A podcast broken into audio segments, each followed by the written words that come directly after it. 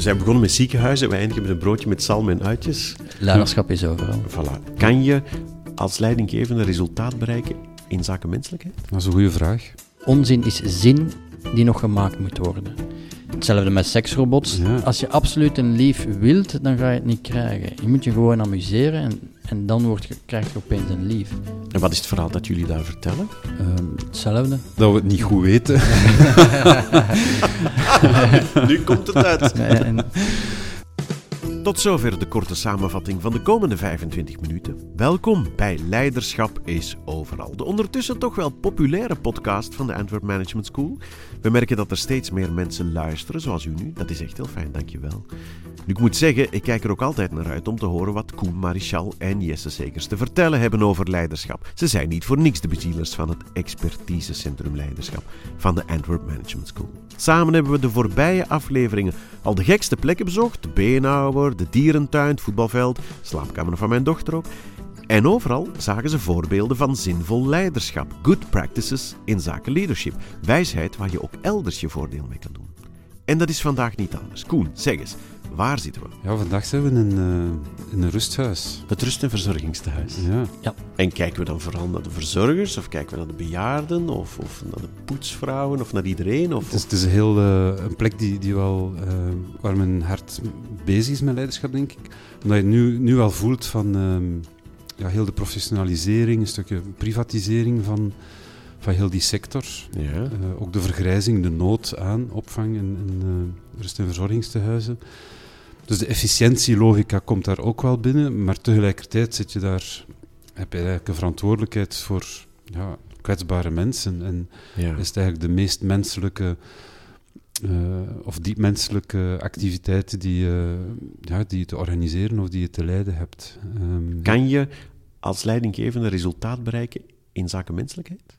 Dat is een goede vraag. Meestal wordt het afgerekend op cijfers hè, en op geld aan het eind van Ja. de dag. En beursnoteringen. We, en zo. we, we merken het ook, hè, als we in dat soort omgeving, je kunt ook denken aan scholen of ziekenhuizen, ehm, als we daar over leiderschap eh, praten of rond leiderschap gaan werken, krijg je wel vaak ehm, ja, die houding van, ja, maar wij, wij zijn wel een andere type activiteit. We zijn met mensen bezig.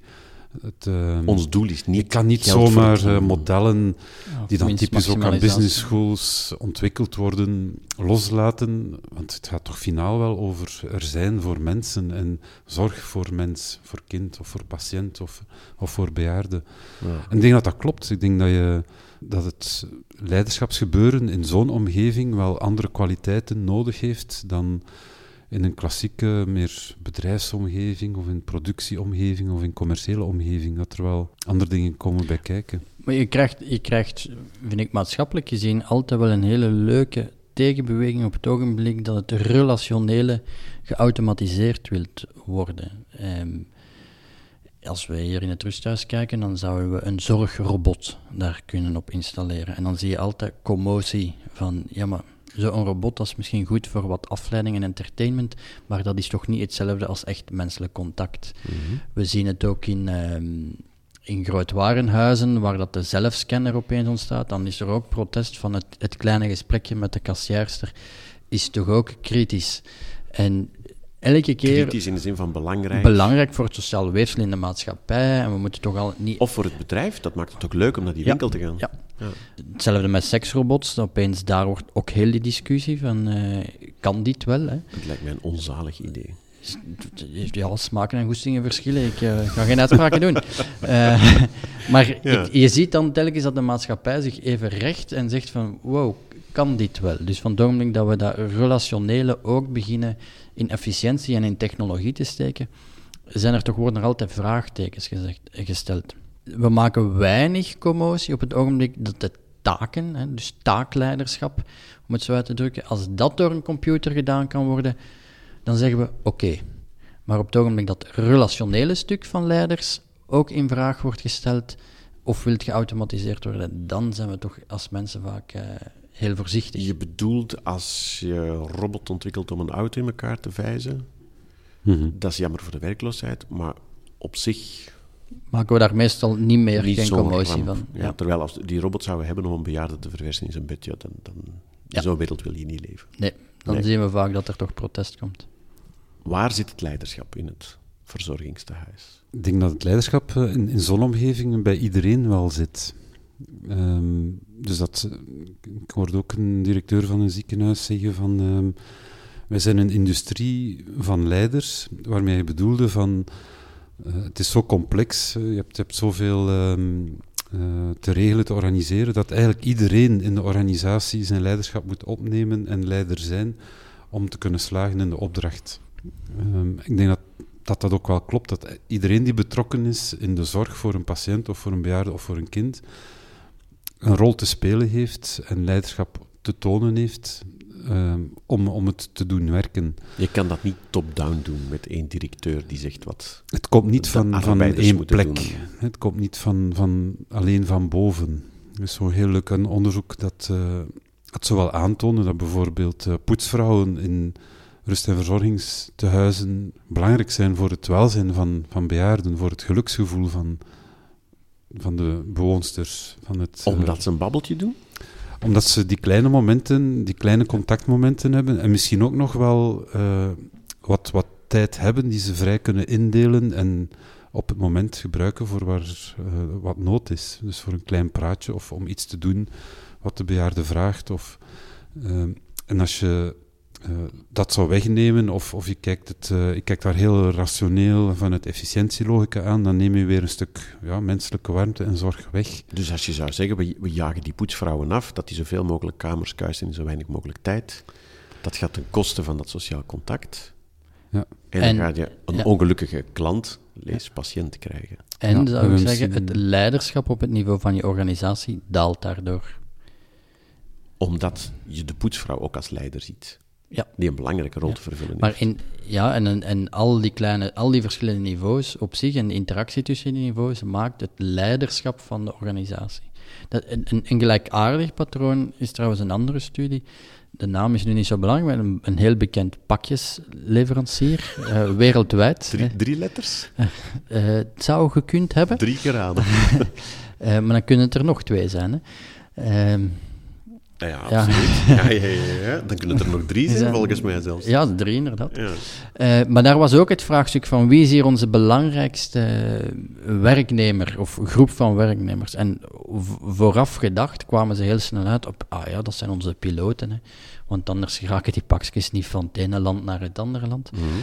analyse, uit analyse blijkt, nee, het is eigenlijk de, de, de courier die het pakje afgeeft. De laatste, ah, ja. de laatste schakel. De laatste schakel, dat is de meest kritische... Het menselijke contact. Ja, want hij heeft, of zij, heeft enorm veel keuzes te maken. Want op het ogenblik, dat pakje wordt afgegeven, met een bepaalde vriendelijkheid of niet. En dan zeg je, ah, maar ik heb ook nog een pakje liggen, kun je dat meenemen naar... Op, natuurlijk is het in een ketting. Op het ogenblik dat hij of zij beslist van, nee, dat gaat niet, sorry... En hij is terug weg, dan zeg je, ja, bij die gaan we niet opnieuw bestellen. Als hij zegt van, ja, geef maar mee, dan is hij te laat voor alle andere bestellingen. Lukt dus ook niet. En als hij zegt van, dank u hiervoor, ik ga iemand sturen die voor jou dat pakje komt ophalen, dan is er, hebben we een win-win situatie. Ja. Dus repeat business. Maar je ziet, het is die persoon die dan super kritisch is om een repeat business te halen. Ze hebben dan gaan vragen aan die, aan die werknemers, wat is nu het belangrijkste ding dat we, want daar is veel verloop hè, bij die groep, wat is nu het belangrijkste dat we kunnen doen voor jullie om ervoor te zorgen dat uw werk aangenamer wordt? En het antwoord was, ja, wij moeten eigenlijk s morgens zelf onze uh, camion inladen en we moeten daar heel vroeg voor opstaan. Als je daar nu eens een mannetje bij zet dat we dat met twee kunnen doen, dan moeten wij minder vroeg opstaan. Dat zal ja. veel aangenamer zijn. En ze hebben dat gedaan, verloop veel minder, return on investment veel hoger enzovoort. Ja, dus, dus als je ervoor zorgt dat die mensen uh, minder afgejaagd worden eigenlijk, dan gaan die rustiger en tevreden bij de klant staan en een hele goede indruk maken ook. Want dat is, het, dat is wel het beeld, hè? de koerier die bij jou aan de deur aanbelt, dat is het beeld dat je hebt van die organisatie. Ja, Als dan blijkt dat hij gestresseerd ja. is of slechtgezind, ja. dan denk ik heel die organisatie, dat is een, een knoeiboel of slechtgezinde mensen die mij niet willen helpen. Ja, het zijn eigenlijk de, de mensen die in direct contact staan met, met de klant. En wie de klant dan ook is, die eigenlijk bepalen en ook tonen welk leiderschap de organisatie heeft. Ja, want die piloten die kan je vervangen door een onbemande drone, vroeg of laat. Ja. Die een container over en weer vliegt. Hè. Ja, dat is ook zo. Ja, als, het, als er geen mensen bij zitten, hè, Ja. is dat inderdaad een discussie die nu levende is. Eh, De, de air hostess kan je niet vervangen, want die doet dan weer het persoonlijk contact met passagiers als je mensen vervoert. daar ga je opnieuw Ja, eh, is, eh, spanning voelen. Ja. Maar ik denk, ik heb, er, ik heb er nu al geen uitgesproken idee over hoe het evolueert. Ik maak, ik maak me soms wel zorgen als je ziekenhuizen bijvoorbeeld, hoe, hoeveel druk er staat en hoe, hoe sterk het op efficiëntie georganiseerd is en hoe het alleen nog maar toeneemt. En denk dan technologie zal dat nog versterken, dat gevoel. Zie ik zelf nog niet heel goed waar, waar het gaat eindigen. Hè. Dus de, de, ja, de, de patiënt wordt meer en meer een, eh, een product in een soort productieomgeving. Ja. Ehm, De, de, de, de, vanuit, de poetsmensen kloegen er al over, de verplegers zijn daar beginnen over klagen, Ja. een aantal jaren al. Nu Ja. las ik onlangs in de krant dat de dokters ook op hun tandvlees zitten, Absoluut. en specialisten. Dus ja, dus Maar die- kan ja, je die, met al je leiderschapskwaliteiten niks aan doen, hè, als, als medewerker van dat, het zich, ziekenhuis. eh, ja, dat stelt zich die vraag. Hè. Dus die, de organisatie Ja. bepaalt ja, die heel soort hard. spelregels. Dus die film eh, nu over ehm, het leven in de operatiezaal in, in een ziekenhuis in, in Parijs, Burning Out. Mhm.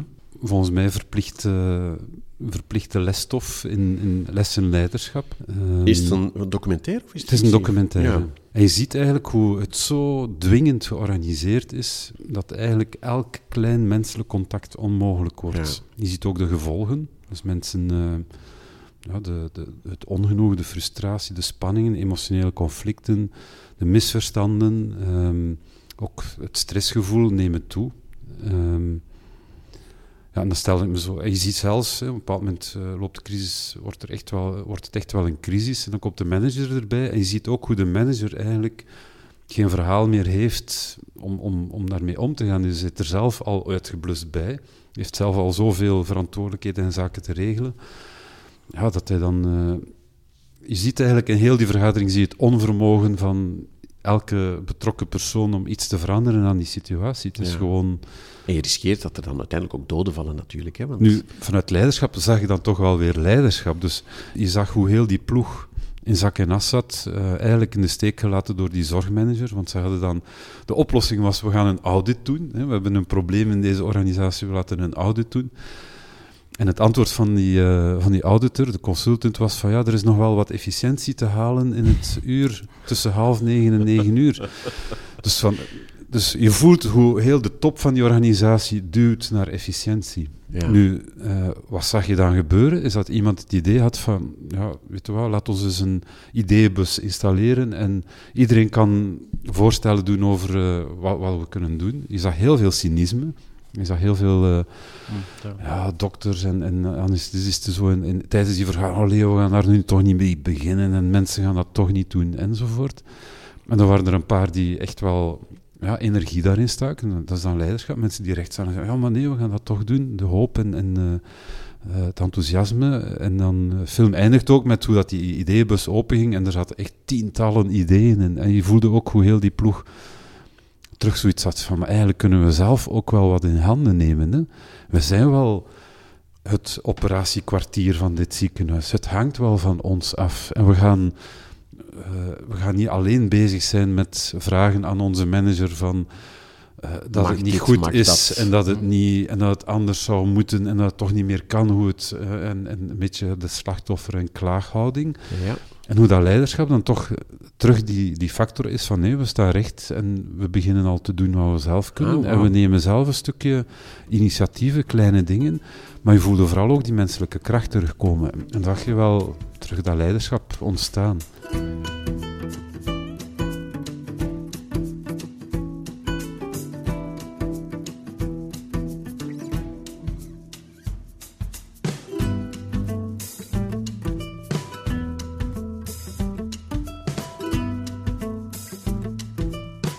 Daarnet ging het erover dat veel mensen op verschillende momenten de rol van leider kunnen opnemen. Maar bestaat er ook zoiets als de ideale leider? Als we mensen tegenkomen, schatten we eigenlijk twee dimensies direct in. Dat is namelijk hoe warm is die persoon in termen van relaties en hoe competent is die persoon. En als je heel competent bent, maar niet warm, dan krijg je wat in het Engels noemen envy. Maar dan zet je niet populair natuurlijk. Hè. Het is dat afgunst. Afgunst, ja. Ja. En angst. Ja, en zijn angst. ook wel een stukje bang van Ja. sterkte en kracht. Hè? Ja. Ja. En het omgekeerde kan je ook hebben, dat je heel warm bent in de relatie, maar helemaal niet competent. En dan de veel pity hè, voor u. Medelijden. Het is wel een toffe, maar bon. Ja. Kneusje. Eh, kneusje. En het is natuurlijk de kunst om die twee te combineren. Warm en competent. Echter, warm komt eerst. Het is first connect, then lead. Dus je kan niet... Terwijl ik mij toch niet van de indruk kan ontdoen dat de mensen die echt hoog geraken in organisaties vaak... Ja, in- zelfs niet competent. ik weet niet wat het talent Maar, is. maar niet gezien gaan worden als leider. Nee, dat is waar. Voilà. Ze gaan Wel als gezien- leidinggever. Ze gaan wel gezien worden als machtsfiguur of als, Ja, als baas. als baas. Ehm terwijl als leiderschap als heeft dan- altijd ja. die dimensie van eh, de groep staat achter die leider. Hè. Ja. De groep. Het moreel gezag. wat dat is wat wat- mensen echt vinden, jij bent terecht baas, we hebben iets aan jou. Ja. Ja. Hoe, hoe, hoe verwerf je dat? Oh, wel, door, die, door te beginnen met die relatie. Door warm en competent te zijn. Warm en competent te zijn, ja. Moreel gezag ja, verdien je ook door eh, twee. iets te betekenen voor, eh, voor wat de groep nodig heeft. Een stuk de integriteit van de groep, daarvoor opkomen en tonen dat je ook het groepsbelang dient, eerder dan het eigen belang. Ja. ja. We staan in functie dat van het een- collectief. Hè. Als mensen dat voelen, want als iemand die met ons bezig is en met wat wij nodig hebben, tegenover ook alle andere noden en, en alle belangen die er zijn, dan denk ik dat je wel ja, een stukje gezien wordt door de groep als een goede vertegenwoordiger. Hè. Ja. En dat is iets dat we, eh, waar sommige organisaties heel bewust voor kiezen. Eh, Dat is wat dat we noemen qua strategie de oblique benadering, dus de indirecte benadering. Er zijn bedrijven die eigenlijk al hun belangrijkste stakeholders en klanten en zo hebben samengenomen in een grote zaal met hun medemensen. En dan de boodschap hebben gegeven van, weten wie voor ons het aller, allerbelangrijkste is? En al die klanten denken natuurlijk, ah wij, Ik ga het zijn, ik ga het zijn. ik ga het zijn. En dan is het antwoord onze medewerkers. Die jullie zijn het allerbelangrijkste. Er zijn, uit die cases blijkt dat sommige klanten dan gezegd hebben, als dat het geval is, dan ben ik weg. Maar die boost dat dat gaf aan die medewerkers om te zeggen, wij staan op de eerste plaats, niet die klant, eh, zorgt ervoor dat die business enorm, enorm begint te draaien. Maar dat is een indirecte benadering, omdat er redelijk wel, dat is een vaststaand gegeven eigenlijk bijna, tevreden medewerkers zorgt voor te- tevreden klanten. Als je dan ook de autonomie geeft in een complexe wereld aan die medewerkers om de vrijheid te hebben om het zelf te gaan inschatten. Maar dat is een indirecte benadering. Ik, ik leg het soms uit. eh, Als je absoluut een lief wilt, dan ga je het niet krijgen. Je moet je gewoon amuseren en, en dan wordt, krijg je opeens een lief. Dus het is, Ja. het is die indirecte methode. Maar er is een systeem bij beursgenoteerde bedrijven, de kwartaalcijfers. En Mhm. heb je al een lief? Heb je al een lief? Waar blijft dat lief? Je hebt een lief minder. Het heeft lange... Die stress wordt gecreëerd door het systeem ook vaak. Hè? En, en heel veel CEO's zullen ook direct toegeven dat die kwartaalcijfers veel meer kwaad dan goed doen. En je ziet Mhm. ook dat verschillende bedrijven nu beginnen zeggen van, sorry, één keer per jaar zal al zot genoeg zijn. is al zot genoeg zijn en dan gaat het te weten komen. Maar we gaan niet elke drie maanden hier eh, staan opdraven. Hè. Ja. Ik, ik denk dat het probleem met ziekenhuizen vaak is, of bejaardentehuizen, dat zijn commerciële instellingen. Hè? Ja. Vaak aan het eind Meer van de rit met, Ja. eh, Ja. met aandeelhouders die gewoon geld willen zien. Ja. En dan krijg je dat soort druk. Tegelijk kan ik me ook voorstellen dat het niet altijd kwaai wil is. Als je bijvoorbeeld als ziekenhuis een hele dure scanner koopt, dan wil het RISIF terecht dat dat ding Ja. rendeert. Dan moeten die patiënten daar de een aan de andere doorgestoken worden. Ja. Om geld over te houden, om mensenlevens te redden enzovoort. Dus dan, dan zit je in een systeem dat je niet anders kan dan efficiënt zijn. Hè? Hoe hoger dat je gaat in organisaties, hoe meer ehm, complexiteit dat je tegenkomt, hoe meer tegenstrijdige logica's en paradoxen erin zitten in zo'n systeem. Eh, van, ja, ergens moeten we wel winst halen en dan moet dat renderen, om vanuit dat geld dan weer iets anders te kunnen doen, namelijk nog mensen te gaan redden. En, lang, en je ziet dan bij een korte termijn logica en een lange termijn logica, en dat, dat bijt dan soms. Hè. ja. In het begin zeggen we dat is onzin. Dat kan toch niet, dat is onzin. Maar onzin is zin die nog gemaakt moet worden. En dus op een zeker moment maak je dan zin voor jezelf, van zo kan ik die twee tegenstrijdige dingen eh, verenigen. En nadat je sense-making hebt gedaan, kan je aan sense-giving beginnen doen voor de anderen. Ja. Iemand anders zegt, ja, dat is toch onzin dat al die mensen er hier nu door moeten. En dan kan je zeggen, ja, kijk, Ik zei, ja, dat, dat, op het eerste zicht is dat onzin, maar er is logica 1 en logica 2 en zo wordt dat verenigd. Het lijkt nu, omdat we nu over een ziekenhuis praten en, en de hele zorgsector, dat dat iets helemaal anders is dan gewone bedrijven, commerciële bedrijven. Is dat wel zo? Kan een gewoon commercieel bedrijf daar iets van leren, van die logica? Van denk eerst aan de mensen, zowel aan je werknemers als aan je klanten, aan, aan dat menselijke contact? Absoluut. Ik denk, dat er, ik, denk, ik denk zelfs dat het ziekenhuiswezen op dit ogenblik een, eh, een heel mooi, dat is misschien erg om het zo uit te drukken, labo-experiment is, ehm, waar heel veel samenkomt op dit ogenblik. Er zit de complexiteit van overheid, financiering, het gaat over beslissingen van leven en dood, eh, veel kritischer dan sommige andere producten. Technologie. Eh, technologie die disruptief is. Ik bedoel, het is de perfect storm op dit ogenblik. Hè. Dus die, het is ook zo'n beetje van... Als je daar nu van boven in zo'n ziekenhuis staat, als we daar eens naar kijken, wat moeten die mensen in godsnaam beslissen? Zij weten niet hoe dat die wereld er binnen vijf tot zeven, maanden, eh, zeven jaar uitziet. En toch moeten zij... Ze weten wel, als ze nu iets beslissen, dat dat impact hebben binnen vijf jaar. Dus ja, je- moet, moet ik vandaag zo'n scanner kopen? Want morgen kunnen we alweer een betere hebben. Ja.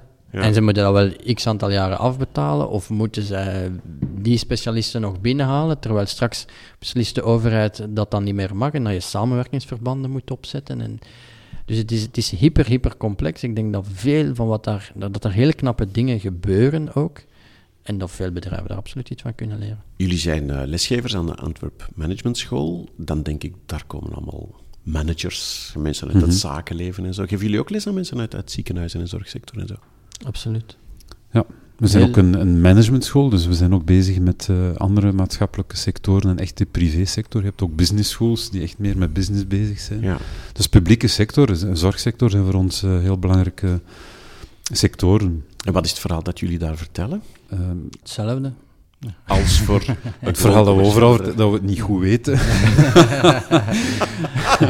nu komt het uit. En, Nee, maar dat het ehm, afhangt van dat het de context is, eh, het vraagstuk, het type organisatie, dat ook mee zal bepalen wat er nodig is op vlak van leiderschap. En dat we hen vooral willen helpen met geven van inzichten, creëren van eh, situaties, contexten waarin dat ze zelf kunnen gaan leren over wat er nodig is en zelf de vaardigheden gaan ontwikkelen die ze nodig hebben. Ja, het is Dus niet, stuur ons de leider, we zullen hem trainen en dan gaat hij terug en dan gaat hij leiden. Tenzij dat we eh, ervan overtuigd zijn dat in die gegeven omstandigheden dat dat de thing to do is. Hè. Het kan Wat- een deel van de oplossing zijn. Wat, ja, of wat dat we soms wel eh, als opdracht meekrijgen, en dat, dat is een vraag die ik typisch wel stel, is wat is jullie bedoeling? Willen jullie de leider versterken in het bestaanssysteem? Wil je ervoor zorgen dat die persoon beter om kan met het bestaande systeem? Of zoek je eigenlijk iemand of iets dat ervoor zorgt dat je systeem ook verandert? Want dat is wel een totaal ander vraagstuk. Ja, dat leiderschap gaat niet over die ene mens, Ja. man of vrouw, Ja. maar over hoe die mensen samenwerken. En dan heb je een heel ander traject nodig. En heel vaak eh, is de vraag van versterk, dat hangt er een beetje van het ritme af van de organisatie, maar versterk die persoon, leer die persoon omgaan met het bestaande systeem. Dat is eigenlijk de vraag die, die je dan krijgt. Dus maak je in dat opzicht een sterkere leider. Maar sommige organisaties zeggen, nee, nee, wij hopen echt dat deze groep zelfs in staat is om het systeem te gaan wijzigen. Ja, Ja. Dan heb je een totaal andere manier van insteken van hoe je dat moet benaderen natuurlijk. Ja. Ik heb ook al wel gemerkt dat bij die laatste vraag sommige bedrijven daar dan van dromen tot het dan effectief aan het gebeuren is. Dan wordt het plots heel griezelig. dan wordt het heel griezelig. Ik heb over laatst het voorbeeld gegeven van ja, jullie vragen een, eh, een, eh, een broodje met zalm en uitjes, maar je hebt dat eigenlijk nog nooit geproefd. Wij geven een broodje met zalm en uitjes. Halverwege de rit vind je dat eigenlijk toch wat scherp smaken, dus we halen die zalm en die uitjes eruit en je hebt enkel nog een broodje. Dat vind je ook niet lekker natuurlijk. Ja. Dus, we- maar dat is, dat is oké. Het is leren groeien van wat lusten we dan wel. Het klinkt En- heel erg als kinderen opvoeden. Hè? Maar dat is wederzijds. Je weet als Broodjes kok, je weet als ui. kok Ja, ook nee, niet altijd. Nee, nee. Een Ja. kind, ah, mag ik eens proeven? Ah, ik vind het niet lekker. Wat niet wil zeggen dat je er niet naartoe kan evolueren, dat je dat Ja. niet kan leren Voilà. appreciëren. Maar omgekeerd wist ik ook niet wat dat kind lekker ging vinden. Hè. Nee. Hij vroeg, of zij vroeg gewoon van een broodje met zalm. En, En eh, dus moet je het gewoon proberen, trial Moeten we het error. proberen en wederzijds naar elkaar groeien. Van oké, dat, dat mer- we hebben dat nu geproefd. Dat broodje was wel oké, maar dan moet iets anders tussen. Prima, volgende keer maken we een ander gerecht. Wacht, dus we zijn begonnen met ziekenhuizen, we eindigen met een broodje met Salm en uitjes. Leiderschap is overal. Voilà, dat lijkt mij een mooie conclusie. Van deze hele reeks trouwens, want dit is de laatste aflevering. Nu, het goede van een podcast is dat je die ook achterstevoren kan beluisteren als je wil. Misschien is dit wel de eerste kennismaking en dan staat er u nog een hoop interessants te wachten. Je vindt alle afleveringen op de site, alle info ook over de opleidingen die je bij Jesse en Koen kan volgen of over een boek, De Kleren van de Leider. Van wie zich verder wil bekwamen, die weet waar naartoe. antwerpmanagementschool.be Zo, en nu is het aan u. Kijk maar eens goed rond, je zal het zien. Leiderschap is overal. Bedankt voor het luisteren.